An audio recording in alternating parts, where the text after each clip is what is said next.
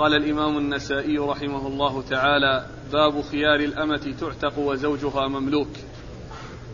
قال أخبرنا إسحاق بن إبراهيم قال أنبأنا جرير عن هشام بن عروة عن أبيه عن عائشة رضي الله عنها أنها قالت كاتب كاتبت بريرة على نفسها بتسع أواق في كل سنة بأوقية فأتت عائشة تستعينها فقالت لا إلا أن يشاءوا أن أعدها لهم عدة واحدة ويكون الولاء لي.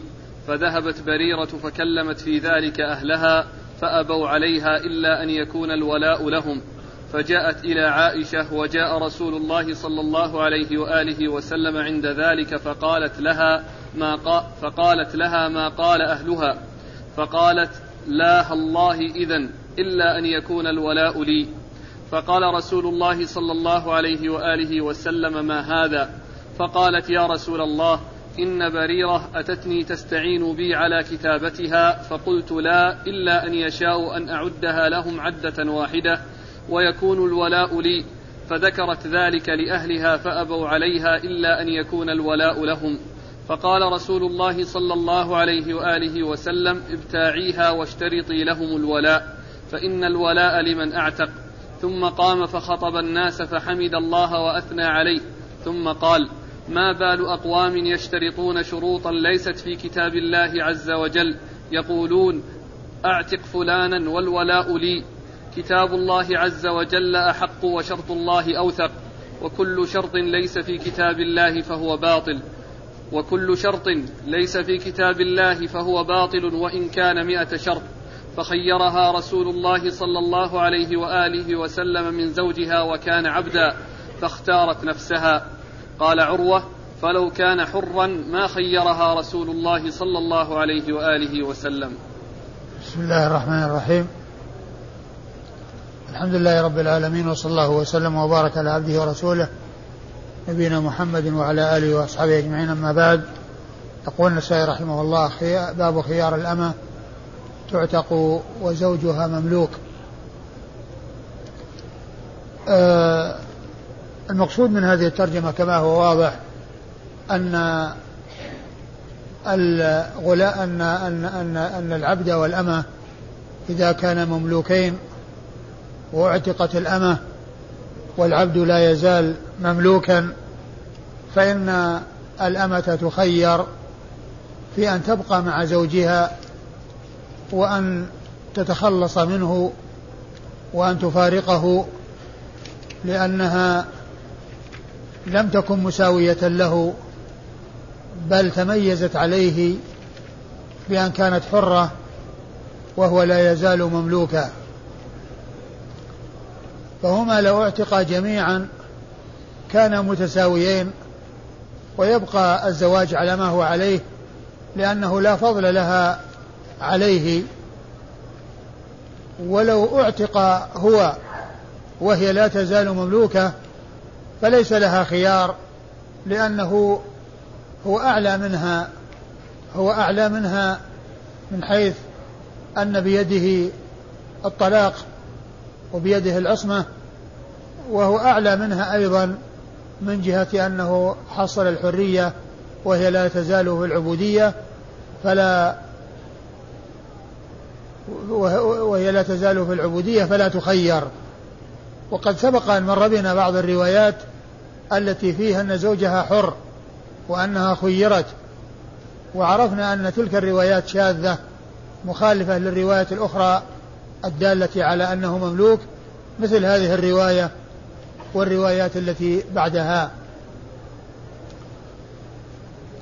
ولما كانت آه، اعتقت وهو لا يزال مملوكا فإن فإنها تخير لأنها زادت عليه وتميزت عليه بالحرية وهو لا يزال مملوكا. أورد النسائي حديث بريرة حديث عائشة في قصة بريرة وقد مر الحديث من طرق متعددة وأورده هنا للاستدلال به على تخيير الأمة إذا اعتقت وزوجها مملوك. وهو واضح الدلالة على ما ترجم له المصنف. وقد قال في آخره نقلا عن عروة بن الزبير قال فلو كانت فلو كان زوجها حر حرا ما خيرها رسول الله صلى الله عليه وسلم لأنها تكون باعتاقها ساوت زوجها فلا يكون لها فضلا عليه ولا يكون لها ميزة عليه بل كانت مساوية له. فيقول لو كان زوجها حرا ما خيرها رسول الله صلى الله عليه وسلم. وكيف تخير؟ وقد ساوته في الحرية كان حرا قبلها ثم صارت أمة ثم صارت حرة بعده تكون ساوته في الحرية فليس لها ميزة فليس لها ميزة عليه. وبريرة كانت كاتبت أهلها على تسع أواق تدفع في كل سنة أوقية فإذا مضت السنوات وأدت لهم الذي كاتبتهم عليه فإنها تعتق بذلك والولاء لهم يكون.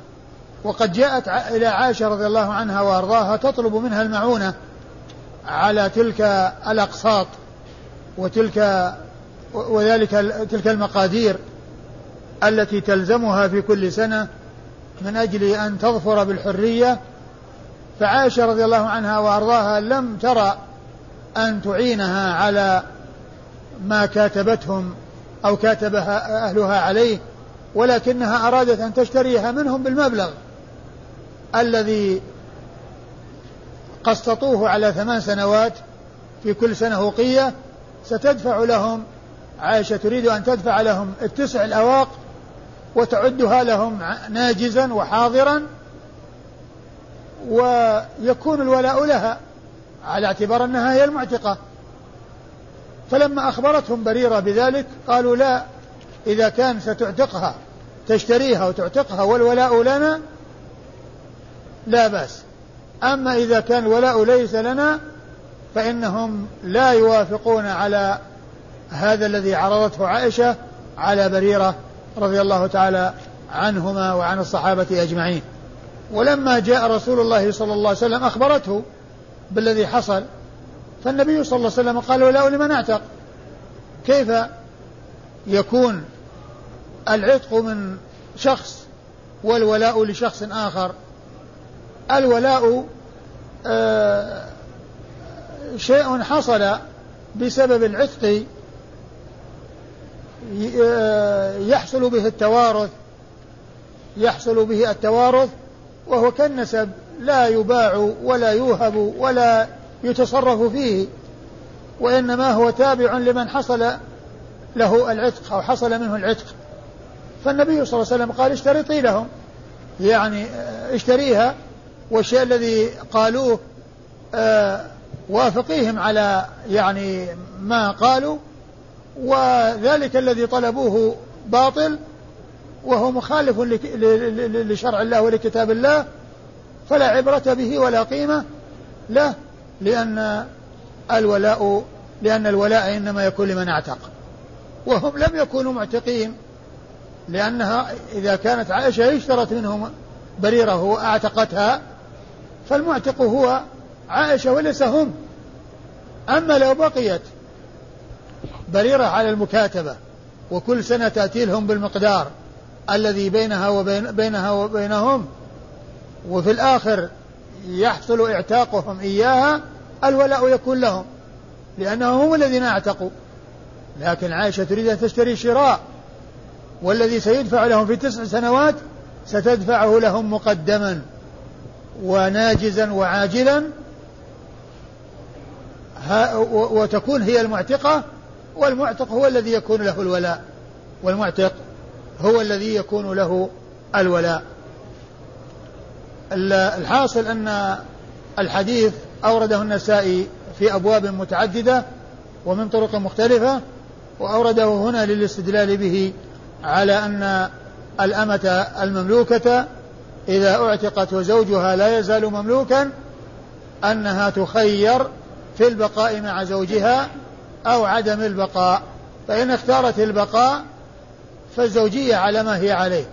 وإن اختارت الفراق فالأمر يرجع إليها.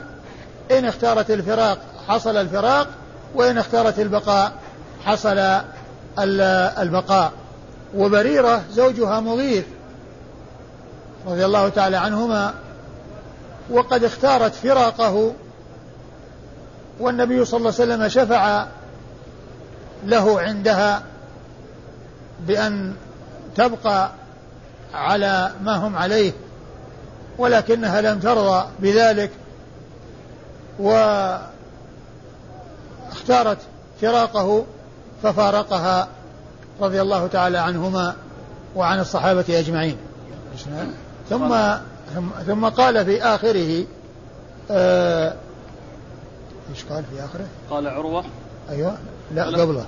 قال شرط الله آه ثم قال ما بال أقوام يشترطون شروطا نعم ليس الرسول صلى الله عليه وسلم لما سمع هذا الكلام وقال لعائشة ما قال أراد أن يعلن ذلك للناس وأن يبين للناس هذه السنة وأن يكون ذلك على المنابر على المنبر حتى تعم الفائدة وحتى ينتشر الخبر والحديث الذي يحدث به الرسول الكريم.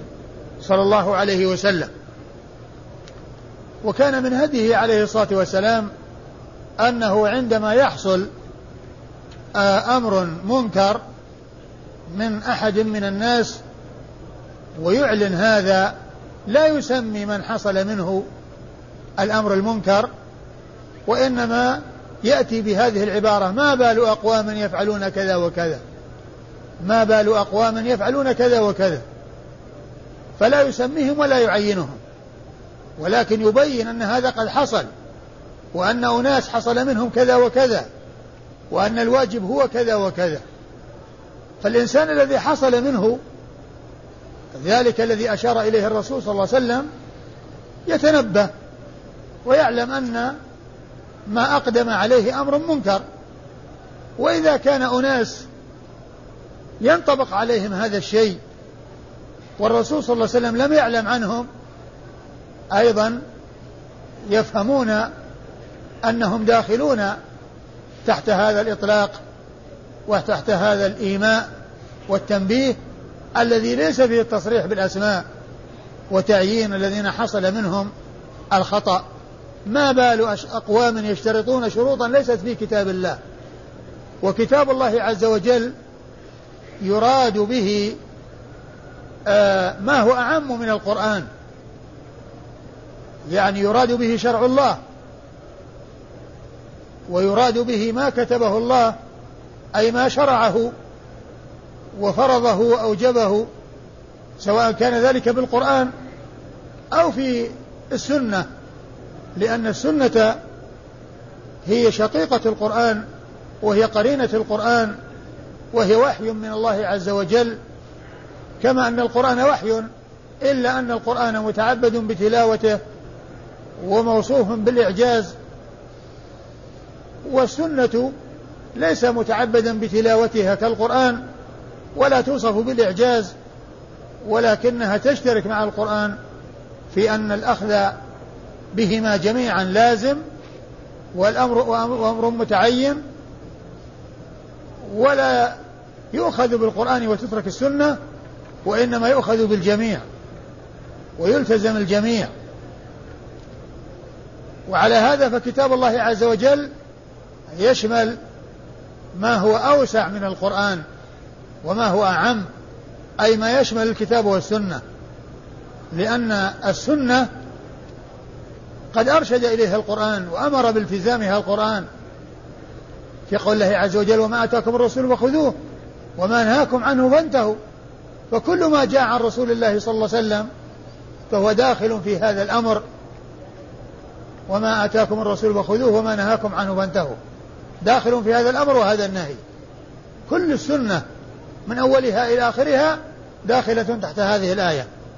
ولهذا لما جاء عن عبد الله بن مسعود رضي الله تعالى عنه أنه لعن النامصة والمتنمصة والواشمة والمستوشمة والواصلة والمستوصلة وغيرها مما جاء به الحديث قال لا ما لي لا ألعن من لعنه رسول الله صلى الله عليه وسلم وهو موجود في كتاب الله وهو موجود في كتاب الله. فكانت واحدة من الصحابيات استعرضت في القرآن ولم تجد فيه ما يتعلق بالنامصة والمتنمصة والواشمة والمستوشمة والواصلة والمستوصلة. فجاءت إلى عبد الله بن مسعود وقالت إنك قلت كذا وكذا وأنني قرأت المصحف من أوله إلى آخره ما وجدت فيه هذا الذي قلت؟ فقال رضي الله عنه إن كنت قرأتيه فقد وجدتيه. قال الله عز وجل وما آتاكم الرسول فخذوه وما نهاكم عنه فانتهوا. فهذا موجود في كتاب الله. لعن النامصة والمتنمصة والواشمة والمستوشمة والواصلة والمستوصلة موجود في قول الله عز وجل وما آتاكم الرسول فخذوه وما نهاكم عنه فانتهوا. ما بال أقوام يشترطون شروطا ليست في كتاب الله. ثم قال شرط الله. يقولون أعتق فلانا والولاء لي. يقولون أعتق فلانا والولاء لي. يعني أن شخصا يتولى العتق وشخص آخر يكون له الولاء. هذا ليس بصحيح بل من حصل منه العتق ليكون له الولاء. كما أن الإنسان ينسب إلى أبيه ولا ينسب إلى غيره فكذلك الولاء يضاف إلى صاحب النعمة ولا يضاف إلى غيره. يضاف إلى صاحب النعمة التي هي نعمة الإعتاق. ولا يضاف إلى غيره ولا يملكه غيره ولا يتنازل عنه لغيره. لا يبيعه ولا يهبه. لا يبيعه ولا يهبه لأنه ليس شيئا يتصرف فيه تصرف الملاك في أملاكهم وإنما هو عصوبة سببها نعمة المعتق على عتيقه بالعتق ويحصل التوا... ويحصل التوارث بذلك من جانب المعتق. حيث يرث العتيق إذا لم يوجد العصوبة التي تكون من جهة النسب. إذا لم توجد العصوبة التي تكون من جهة النسب تكون هذه العصوبة التي هي بسبب العتق وهي الولاء. آه، يقولون أعتق فلانا ولا والولاء لي. المعتق هو الذي له الولاء. ولا يكون الولاء لغير المعتق. لا يكون الولاء لغير المعتق بل الولاء خاص بالمعتق. لا يتصر لا يستطيع المعتق أن يهبه وأن أو يبيعه. أي الولاء لأن هذا شيء مثل النسب شيء لا يتصرف فيه الإنسان بالبيع والهبة وما إلى ذلك. وإنما هو عصوبة سببها نعمة المعتق على عاتقه بالعتق. يحصل التوارث بها من جانب واحد وهو جانب المعتق حيث يرث العتيق. إذا لم توجد العصوبة التي من جهة النسب والتي هي مقدمة على عصوبة الولاء. نعم. إيش؟ كتاب الله عز وجل أحق. كتاب الله عز وجل أحق يعني أحق بالاتباع وأحق بالأخذ وأحق بأن يعمل بما فيه. ولا يكون العمل بما يخالفه مما يتواطأ عليه الناس ومما يشترطه الناس كاشتراط الولاء لغير المعتق. كاشتراط الولاء بأن يكون لغير المعتق. وشرط الله أوثق. شرط الله أوثق. هو الذي يتمسك به وهو الذي يؤخذ به. وأما الشرط الذي ليس في شرع الله فإنه واهن ولا عبرة به ولا قيمة له وهو لاغ وباطل ولا يؤخذ به وليس له قرار ولا ثبوت وإنما الثبوت والقرار والأخذ إنما يكون بشرط الله عز وجل الذي هو أوثق. وكل شرط ليس في كتاب الله فهو باطل وإن كان مئة شرط. وكل شرط ليس في كتاب الله فهو باطل. إذا ك... المقصود إذا كان يخالف ما جاء في كتاب الله. إذا كان يخالف ما جاء في كتاب الله أي الكتاب والسنة. كتاب الله والسنة التي دل عليها قول الله عز وجل وما آتاكم الرسول فخذوه وما نهاكم عنه فانتهوا. وإن كان مئة شرط وإن كثرت تلك الشروط وتضاعفت ووصلت إلى مئة شرط وهي ليست في كتاب الله فإنها لاغية وباطلة ووجودها مثل عدمها. إسناد. نعم. قال أخبرنا إسحاق بن إبراهيم. أخبرنا إسحاق بن إبراهيم بن مخلد بن راهوية الحنظلي المروزي ثقة ثبت فقيه وصف بأنه أمير المؤمنين في الحديث. وصف بأنه أمير المؤمنين في الحديث وهو لقب رفيع لا لم يظفر به إلا القليل النادر من المحدثين مثل شعبة وسفيان الثوري والبخاري والدار قطني وعدد قليل من المحدثين وصفوا وصف كل واحد منهم بأنه أمير المؤمنين في الحديث. وحديث إسحاق بن راهوية أخرج حديث أخرجه أصحاب الكتب الستة إلا ابن ماجه. عن جرير. عن جرير بن عبد الحميد الضبي الكوفي وهو ثقة أخرج له أصحاب الكتب الستة. عن هشام بن عروة. عن هشام بن عروة بن الزبير وهو ثقة أخرج له أصحاب الكتب الستة. عن أبيه. عن أبيه عروة بن الزبير بن العوام ثقة فقيه من فقهاء المدينة السبعة في عصر التابعين وحديثه أخرجه أصحاب الكتب الستة. عن عائشة. عن عائشة أم المؤمنين رضي الله عنها الصحابية الجليلة الصديقة بنت الصديق ذات المناقب الجمة والفضائل الكثيرة ومنها أن الله عز وجل أنزل براءتها مما رميت به من الإفك في آيات تتلى من كتاب الله عز وجل. وهي من أوعية السنة وحفظتها حفظ الله تعالى بها الشيء الكثير من سنة النبي صلى الله عليه وسلم لا سيما الأمور التي تقع بين الرجل وأهل بيته والتي لا يطلع عليها إلا نساؤه فإنها رضي الله عنها وأرضاها حفظت من ذلك ما لم يحفظه غيرها رضي الله تعالى عنها وأرضاها. أحسن الله إليك. ما معنى قوله ابتاعيها واشترطي لهم الولاء؟ ابتاعيها يعني اشتريها ويعني وأبرمي الاتفاق معهم وإذا أصروا وإذا أصروا فاقبلي منهم ذلك وهو مردود عليهم. لأنه يخالف ما جاء في كتاب الله عز وجل وسنة نبيه صلى الله عليه وسلم. يعني ما في كما يذكر البعض من الخدعة أن الولاء سيكون لعائشة رضي الله عنها لأن هي المشتري وهي التي أعتقت. نعم لكن الإنسان الذي شرط شيئا ليس له شرطه وجوده مثل عدمه.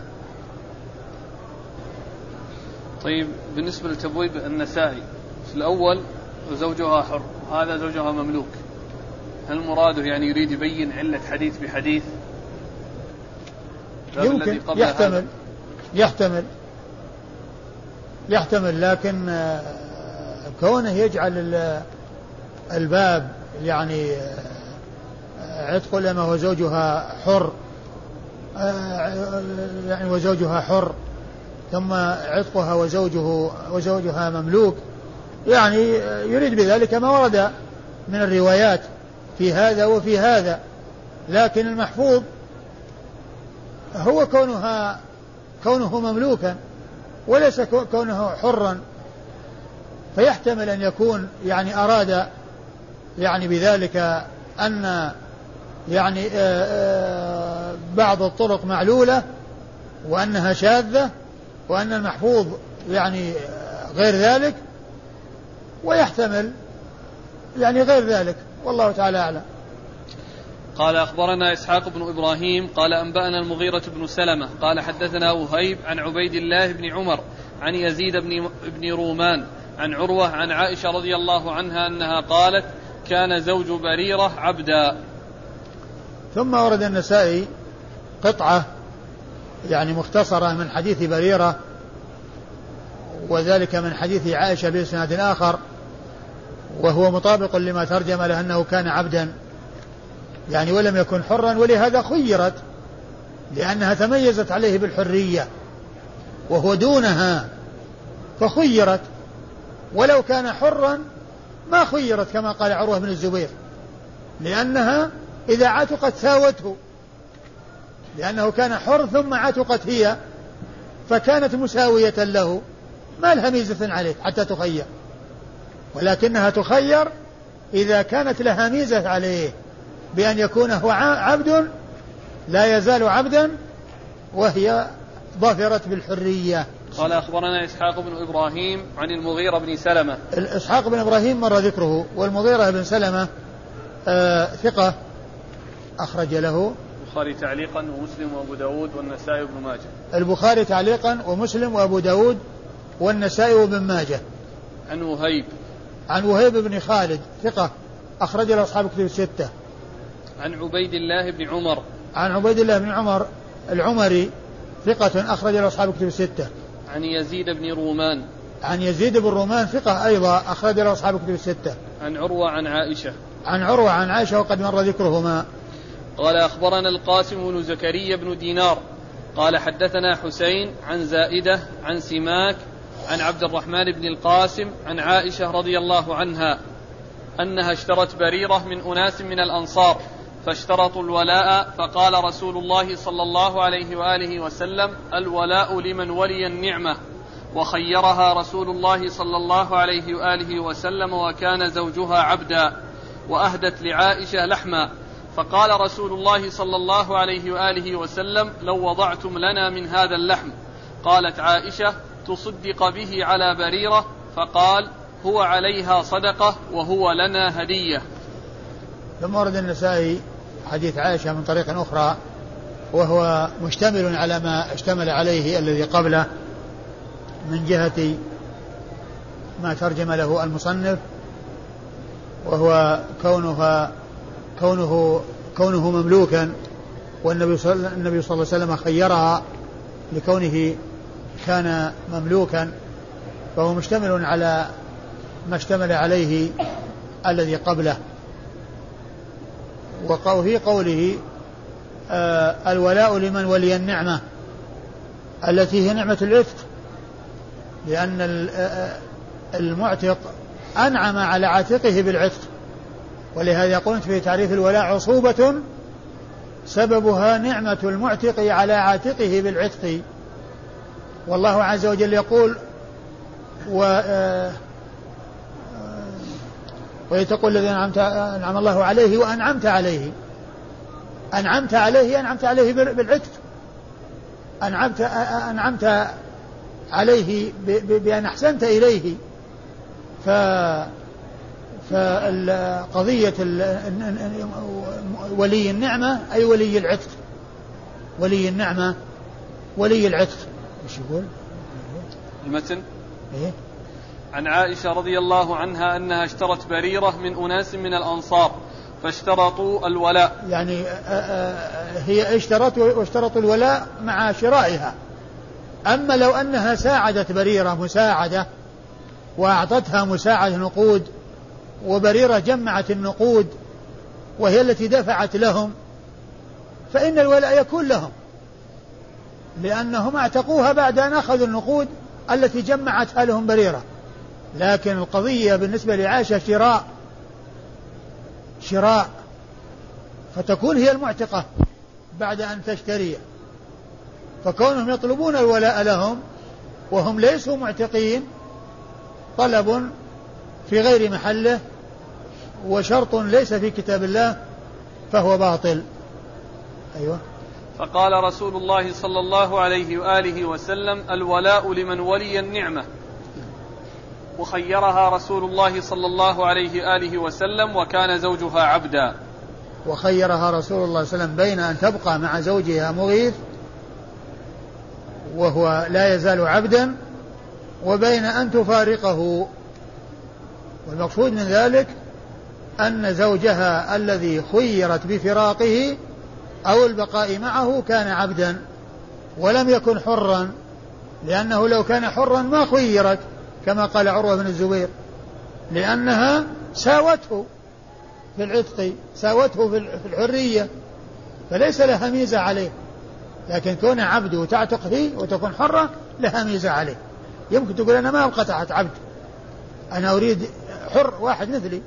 وأهدت لعائشة لحما فقال رسول الله صلى الله عليه وآله وسلم لو وضعتم لنا من هذا اللحم. قالت عائشة تصدق به على بريرة فقال هو عليها صدقة وهو لنا هدية. ومما حصل لبريرة أنها تصدق عليها بشيء من اللحم فأهدته إلى بيت الرسول صلى الله عليه وسلم والرسول صلى الله عليه وسلم سأل عن هذا الذي رآه يطبخ في بيته ولم يقدم له منه شيء فقيل له إن هذا تصدق به على بريرة يعني وأنت لا تأكل الصدقة. فالرسول صلى الله عليه وسلم قال هو لها صدقة ولنا عليه ولها صدقة ولنا هدية. يعني معناه أنه لما تصدق عليها به ملكته فتتصرف فيه كيف تشاء. إن باعته فلها أن تبيعه ومن اشتراه ما له علاقة في الصدقة وإن أهدته لأحد فالمهدى إليه يتصرف فيه ويستفيد منه ولا علاقة له بالصدقة لأن العين تغيرت لأن اللحم هو عين. فكان انتقاله من المحسنين الذين أحسنوا إلى بريرة صدقة منهم. ولكنه لما وصل إلى بريرة صار ملكا لها. إذا خرج من ملكها عن طريق الهبة أو عن طريق الهدية أو عن طريق البيع لا يقال إنه صدقة لأن تغير وضعه. تغير وضع العين من كونها صدقة إلى كونها صارت ملكا يتصرف فيه. فلم تبقى صدقة. ولهذا الفقير الذي يتصدق عليه بالشيء إذا آه إذا طبخ طعاما ودعا إليه ناسا وأكلوا منه لا يقال إنهم أكلوا صدقة أكلوا صدقة وإنما أكلوا شيئا تصر ملكه ذلك الذي آه، أطعمهم إياه. فالذي لا يحل له أكل الصدقة يحل له أن يأكل. لأنه خرج عن أن يكون صدقة لكونه ملك ويتصرف مالكه فيه تصرف الملاك في أملاكهم. قال أخبرنا القاسم بن زكريا بن دينار. القاسم بن زكريا بن دينار وهو ثقة أخرج له مسلم والترمذي والنسائي وابن ماجه. وهو ثقة أخرج له مسلم والترمذي والنسائي وابن ماجه. عن عن حسين. عن حسين بن علي الجعفي الكوفي ثقة أخرج له أصحاب الكتب الستة. عن زائدة. عن زائدة بن قدامة هو ثقة أخرج له أصحاب الكتب الستة. عن سماك. عن سماك بن حرب وهو صدوق أخرج حديث البخاري تعليقا ومسلم وأصحاب السنن الأربعة. عن عبد الرحمن بن القاسم. عن عبد الرحمن بن القاسم بن محمد بن أبي بكر الصديق وهو ثقة أخرج له أصحاب الكتب الستة. عن عائشة. عن عائشة رضي الله تعالى عنها وأرضاها وقد مر ذكرها. السند صحيح هكذا؟ الاسناد يعني هو جاء في بعض الطرق أن عبد الرحمن يروي عن أبيه. أنه يروي عن أبيه. وذكر أن هذا من حديث عائشة من رواية عبد الرحمن آه، ابن القاسم عنها. فإذا كان ما سمعها يكون مرسل يكون من قبيل المرسل. ولكن الحديث جاء من طرق عديدة ومن طرق كثيرة. فيكون ثابتا يعني بغير هذه الطريق. صلى الله إليك. في السنن الكبرى وتحفة الأشراف عن أبيه عن عائشة. عن أبيه عن عائشة في الحديث اللي وراه. هذا. وهذا كذلك. وهذا كذلك؟ نعم. هو في تحفة الأشراف آه، قال يعني آه، عن عبد الرحمن بن القاسم عنها. عن عبد الرحمن بن القاسم عنها. عنها يعني عن عائشة. فوق وكذلك في السنن الكبرى. السنن الكبرى يعني نفس الحديث؟ إيه. ها؟ نعم. إيه. ما أدري لكن سواء كان يعني موجود القاسم أو لم ليس بموجود ويكون يعني مرسل آه الحديث ثابت يعني بالطرق الأخرى إذا كان مرسلا. قال أخبرنا محمد بن إسماعيل بن إبراهيم قال حدثنا يحيى بن أبي بكير الكرماني. قال حدثنا شعبة عن عبد الرحمن بن القاسم عن أبيه عن عائشة رضي الله عنها قال وكان وصي أبيه. قال وفرقت وفرقت أن أقول سمعته من أبيك. سمعته. وفرقت أن أقول سمع سمعته. وفرقت أن أقول سمعته من أبيك. قالت عائشة سألت رسول الله صلى الله عليه وآله وسلم عن بريرة وأردت أن أشتريها. وأشت وأشترط الولاء واشترط. واشترط الولاء لأهلها. أيوه. ها؟ كذا صحيح؟ إيش؟ كيف؟ مضبوط هكذا. واشترط واشترط الولاء لأهلها. سألت رسول الله صلى الله عليه وآله وسلم عن بريرة وأردت أن أشتريها واشترط أيوة. واشترط الولاء لأهلها. يمكن يعني إذا كان اشترط الولاء يعني هم اشترطوا أن يكون لهم الولاء؟ أو أنها يعني لكن هي ما أرادت تشترط الولاء. هي تريد أن يكون الولاء لها. تشترط الولاء يعني له لها وليس لهم. لكن يمكن واشترط الولاء أي أنهم اشترطوا لهم الولاء. واشترط الولاء لأهلها فقال اشتريها. فإن الولاء لمن أعتق. قال وخيرت وكان زوجها عبدا. ثم قال بعد ذلك ما أدري.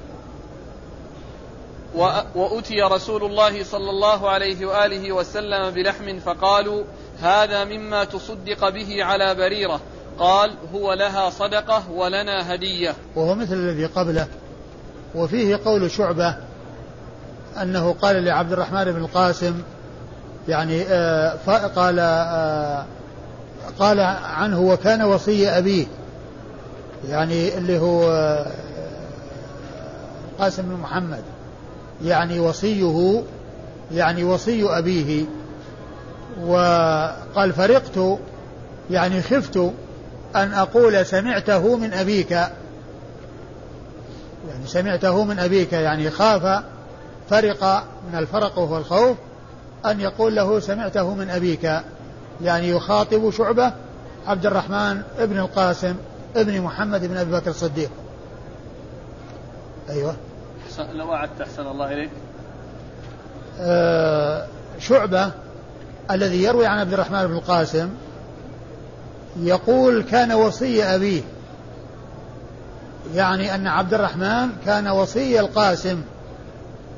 يعني أوصى إليه دون إخوانه بأن يقوم بما أراد أن يوصي به أو ينفذ وصيته. وقال شعبة آه، فرقت أن أقول سمعته من أبيك. سمعته أي الحديث من أبيك أي القاسم. هذا هو معناه. لما؟ ما أدري. وش الفرق يعني؟ الآن لما قال عن أبيه أو لو قالوا سمعته من أبيك.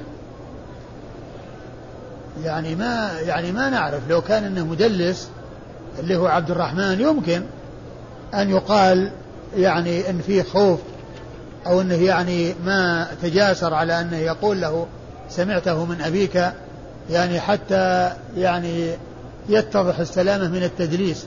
لكن ما ما ما نعرف إن عبد الرحمن موصوف بالتدليس. يمكن أن يكون يعني من باب زيادة التثبت والتأكد يعني آه، وإلا لو كان مدلس يمكن أن يقال يعني آه، للخلاص والابتعاد عن آه، وصف التدليس.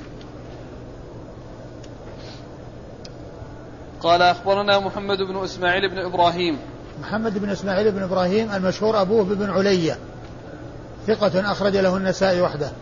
عن يحيى بن أبي بكير الكرماني عن يحيى, عن يحيى بن أبي بكير الكرماني وهو ثقة أخرج له أصحاب كتب الستة. عن شعبة. عن شعبة من الحجاج الواسطي ثم البصري ثقة أخرج له أصحاب كتب الستة.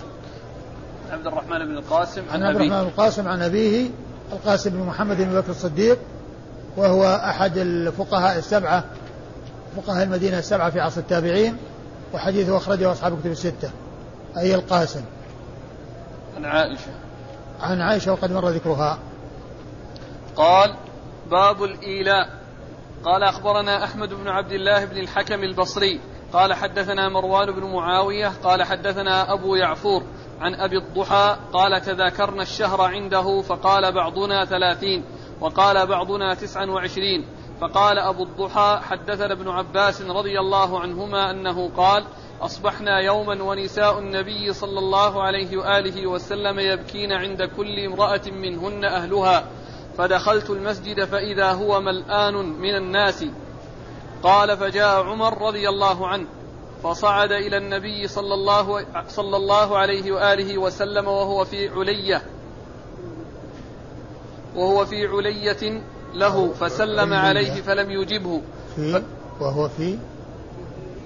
علية. وهو في علية له فسلم عليه فلم يجبه أحد ثم سلم فلم يجبه أحد ثم سلم فلم يجبه أحد فرجع فنادى بلالا فدخل على النبي صلى الله عليه وآله وسلم فقال أطلقت نساءك؟ فقال لا ولكني آليت آليت منهن شهرا فمكث تسعا وعشرين ثم نزل فدخل على نسائه. ثم ورد النسائي الإيلاء. والإيلاء هو الحلف. الإيلاء هو الحلف على عدم قربان النساء إما مقيدا وإما مطلقا. إما مقيدا وإما مطلقا. إما مقيدا بمدة معينة كالشهر وإما بدون تحديد وبدون تعيين للمدة. والرسول صلى الله عليه وسلم أورد النساء والإيلاء يعني جاء في في القرآن الكريم أن من آل من زوجته أنه له تربص أربعة أشهر إما أن يفيء فيها ويترك ما آل عليه وإما أن يطلقها وإما أن يعزم على الطلاق ويطلقها. والرسول صلى الله عليه وسلم حلف أن لا يقرب نساءه شهرا ومكث ذلك الشهر. ولما مضى تسعة وعشرون دخل على نسائه لأنه أكمل المدة التي آلى عليها. فقيل له إنك آليت شهرا. قال الشهر تسعة وعشرون. الشهر تسعة وعشرون.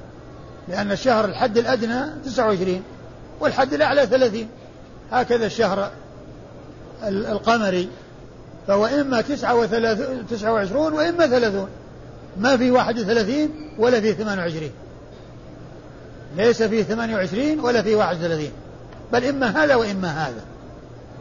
ولهذا الرسول صلى الله عليه وسلم يعني لما قال إن أمة أمية لا نقرأ ولا لا نحسب لا نكتب ولا نحسب الشهر هكذا وهكذا وهكذا وأشار بيديه ثلاث مرات.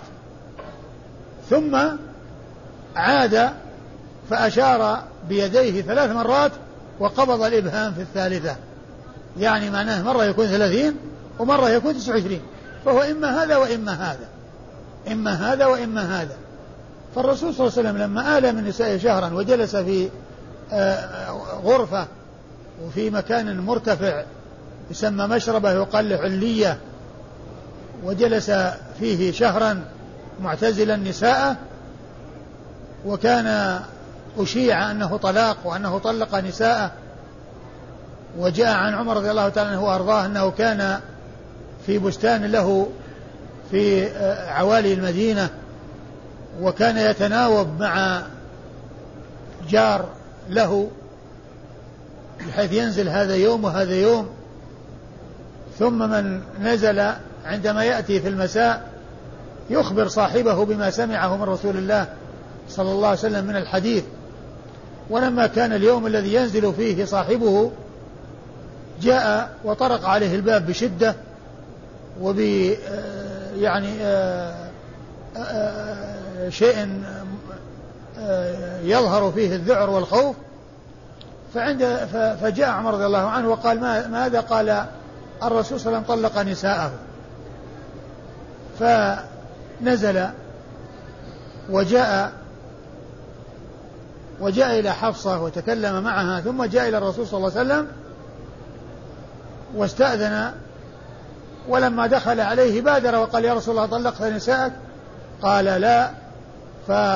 فكبر وحمد الله عز وجل كبر عمر رضي الله عنه يعني على فرحا وسرورا بما حصل من كونه صلى الله عليه وسلم لم يطلق نساءه وأنه إنما اعتزلهن شهرا اعتزلهن شهرا. والقرآن جاء فيه قول الله عز وجل للذين يؤلون من نسائهم تربصوا أربعة أشهر. فإن فاءوا فإن الله غفور رحيم. وإن عزموا الطلاق فإن الله سميع عليم. يعني إما أن يتركوا في خلال هذه المدة ويفيئوا وإلا يعزموا الطلاق. ولا يبقى تعليق مستمر. ويستمر ذلك التعليق إلى غير نهاية بل إما هذا وإما هذا.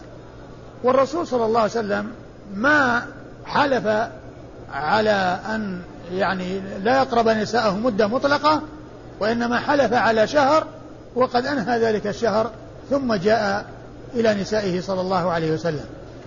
ولما دخل وكان آل شهرا وقد مضى 29 كان يعد يعددنها عدا قالوا إنك آلت شهرا وأن اليوم 29 قال الشهر 29 قال أخبرنا أحمد بن عبد الله بن الحكم البصري. أخبر أخبرنا أحمد بن عبد الله بن الحكم البصري البصري وهو ثقة أخرج له مسلم والترمذي والنسائي. وهو ثقة أخرج له مسلم والترمذي والنسائي. عن مروان بن معاوية. عن مروان بن معاوية الفزاري وهو ثقة آه، يدلس تدليس الشيوخ. وتدليس الشيوخ غير تدليس الإسناد. تدليس الشيوخ أن يعمد إلى شيخ من شيوخه معروف بشهرة فيذكره بغير ما اشتهر به. يذكره بغير ما اشتهر به. بأن يذكر كنيته وكنية أبيه ولا يذكر اسمه ولا اسم أبيه. أو يذكر آه اسمه وكنية أبيه. المهم أنه يذكر شيخه بغير ما اشتهر به. هذه الطريقة فيها تدليس لأن فيها توعير الطريق لمعرفة الشخص. وقد وقد يقال أن الشخص غير معروف مجهول ولكنه سبب الجهالة هو التدليس في كونه ذكر بغير ما اشتهر به ذكر بغير ما اشتهر به. وقد ذكروا عن مروان بن معاوية الفزاري أنه كان يدلس تدليس الشيوخ. أما تدليس الإسناد فهو أن يروي الراوي عن شيخه ما لم يسمعه منه بلفظ موهم السماع كعن أو قال. كلفظ عن أو لفظ قال. يروي عن شيخه ما لم يسمعه منه بلفظ موهم السماع وأما تدليس الشيوخ يأتي إلى شيخ من شيوخه فيذكره بغير ما اشتهر به. فقد قد يقال الشخص هذا غير معروف. ما لم نقف له على ترجمة. أو لم نعرفه أو غير معروف مع أنه معروف. وإنما المشكلة جاءت من ذكره بغير ما اشتهر به هذا يسمى تدريس الشيوخ. نعم. عن أبي يعفور. عن أبي يعفور وهو أبو يعفور الأصغر وهو عبد الرحمن بن عبيد الله بن نسطاس وهو ثقة أخرج له أصحاب الكتب. نعم. وهو ثقة أخرج له أصحاب الكتب الستة. أحسن الله عليك ابن عبيد. ابن عبيد إيه؟ عبد الرحمن بن عبيد. نعم. نعم عبد الرحمن بن عبيد بن نسطاس ثقة أخرج له أصحاب الكتب الستة. عن أبي الضحى. عن أبي الضحى مسلم بن صبيح وهو ثقة أخرج له أصحاب الكتب الستة. عن ابن عباس. عن ابن عباس عبد الله بن عباس بن عبد المطلب بن عم النبي صلى الله عليه وسلم وأحد العبادلة الأربعة من أصحابه الكرام وأحد السبعة المعروفين بكثرة الحديث عن النبي صلى الله عليه وسلم. قال أخبرنا محمد بن المثنى قال حدثنا خالد قال حدثنا حميد عن أنس رضي الله عنه أنه قال آل النبي صلى الله عليه وآله وسلم من نسائه شهرا في مشربة له فمكث تسعا وعشرين ليلة ثم نزل. فقيل يا رسول الله أليس آليت على شهر؟ قال الشهر تسع وعشرون. ثم ورد النسائي حديث ابن عباس من طريق أخرى. حديث حديث أنس. حديث أنس نعم. حديث أنس بن مالك رضي الله تعالى عنه. أن النبي وهو مثل حديث ابن عباس المتقدم المتقدم ابن عباس؟ نعم. حديث ابن عباس المتقدم أن النبي صلى الله عليه وسلم آلى من نسائه شهرا وجلس في مشربة والمشربة يعني مكان مرتفع غرفة في مكان مرتفع وهنا قال علية وهنا قال مشربة وهي مكان واحد والمقصود بها شيء واحد. ولما مضى 29 نزل وهذا يفيد بأنه كان في مكان عالي. يعني نزل يعني من ذلك المكان الذي وصف بأنه علية في الحديث السابق. فقيل إنك آليت شهرا فقال الشهر 29 قال أخبرنا محمد بن المثنى. محمد بن المثنى أبو موسى الزمن البصري ثقة أخرج له أصحاب الكتب الستة بل هو شيخ لأصحاب الكتب الستة روى عنه مباشرة وبدون واسطة. عن خالد. عن خالد بن الحارث البصري ثقة أخرج له أصحاب الكتب الستة. عن حميد. عن عن حميد. عن حميد بن أبي حميد الطويل وهو ثقة أخرج له أصحاب الكتب الستة.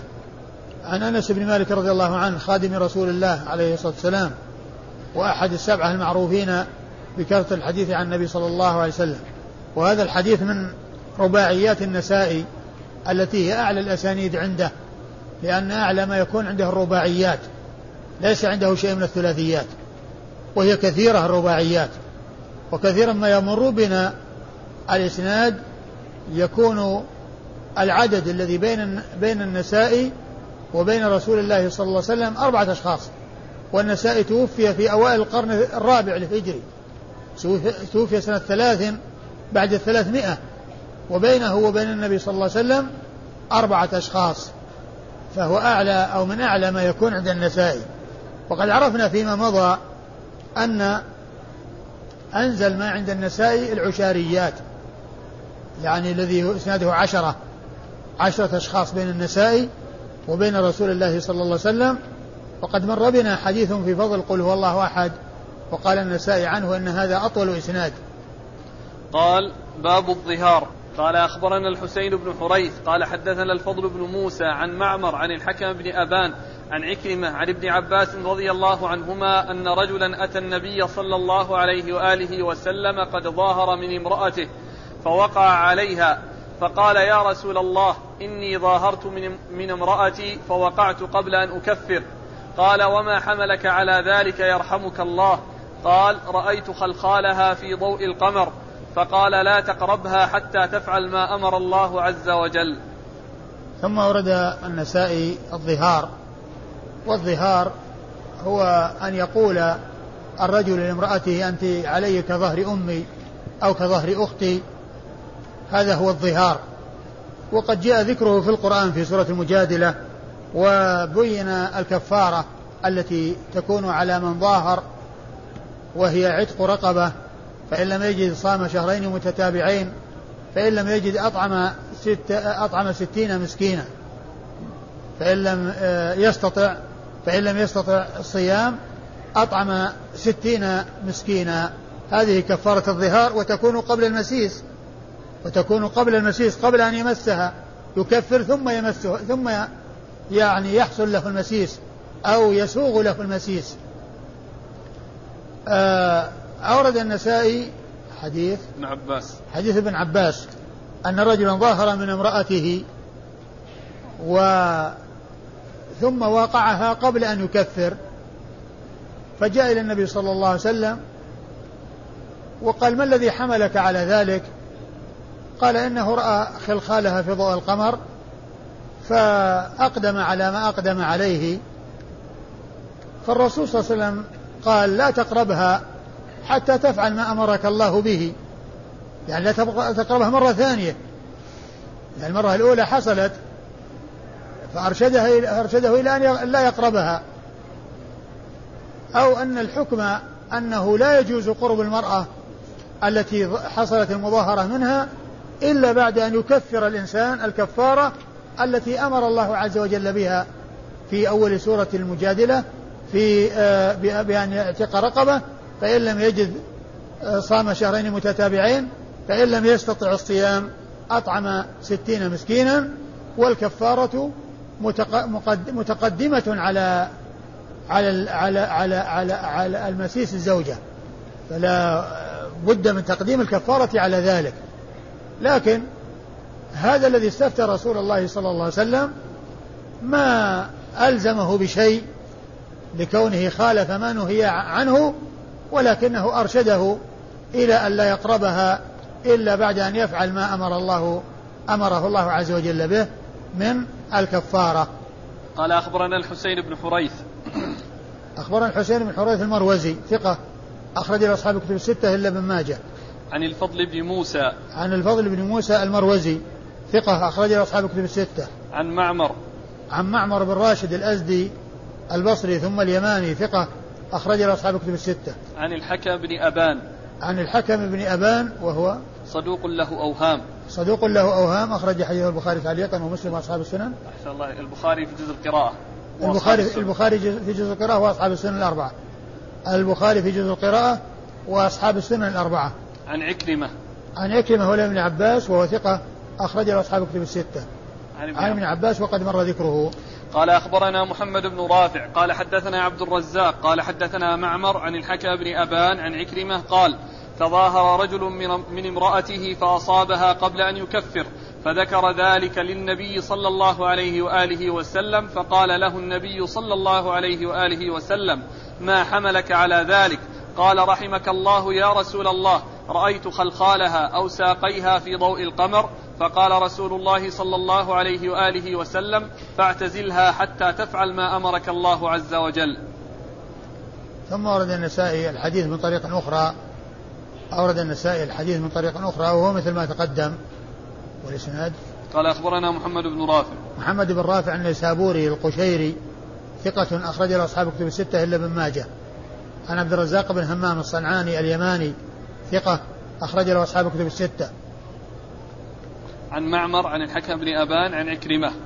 عن معمر عن الحكم بن أبان عن عكرمة وقد مر ذكرهم. ولم يذكر ابن عباس. ولم يذكر ولم يذكر ابن عباس. نعم. ولم يذكر ابن عباس. يعني فهو مرسل. ولكن آه، كما هو معلوم الإسناد الذي قبله آه، فيه التصريح بابن عباس. قال أخبرنا إسحاق بن إبراهيم قال أنبانا المعتمر.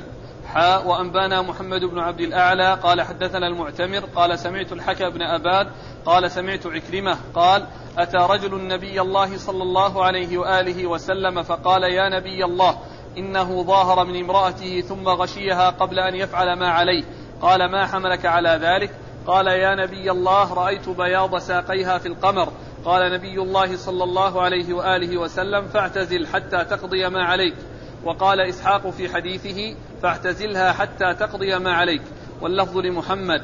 قال أبو عبد الرحمن المرسل أولى بالصواب من المسند والله سبحانه وتعالى أعلم. ثم ورد النسائي الحديث من طريق أخرى و هو مثل ما تقدم يعني في قضية استفتاء الرجل الذي ظاهر من امرأته وغشيها وسأله النبي صلى الله عليه وسلم عن الذي حمله على ذلك وبين السبب ثم بعد ذلك أمره النبي صلى الله عليه وسلم أن يعتزلها. والله تعالى أعلم. صلى الله وسلم وبارك على عبده ورسوله نبينا محمد.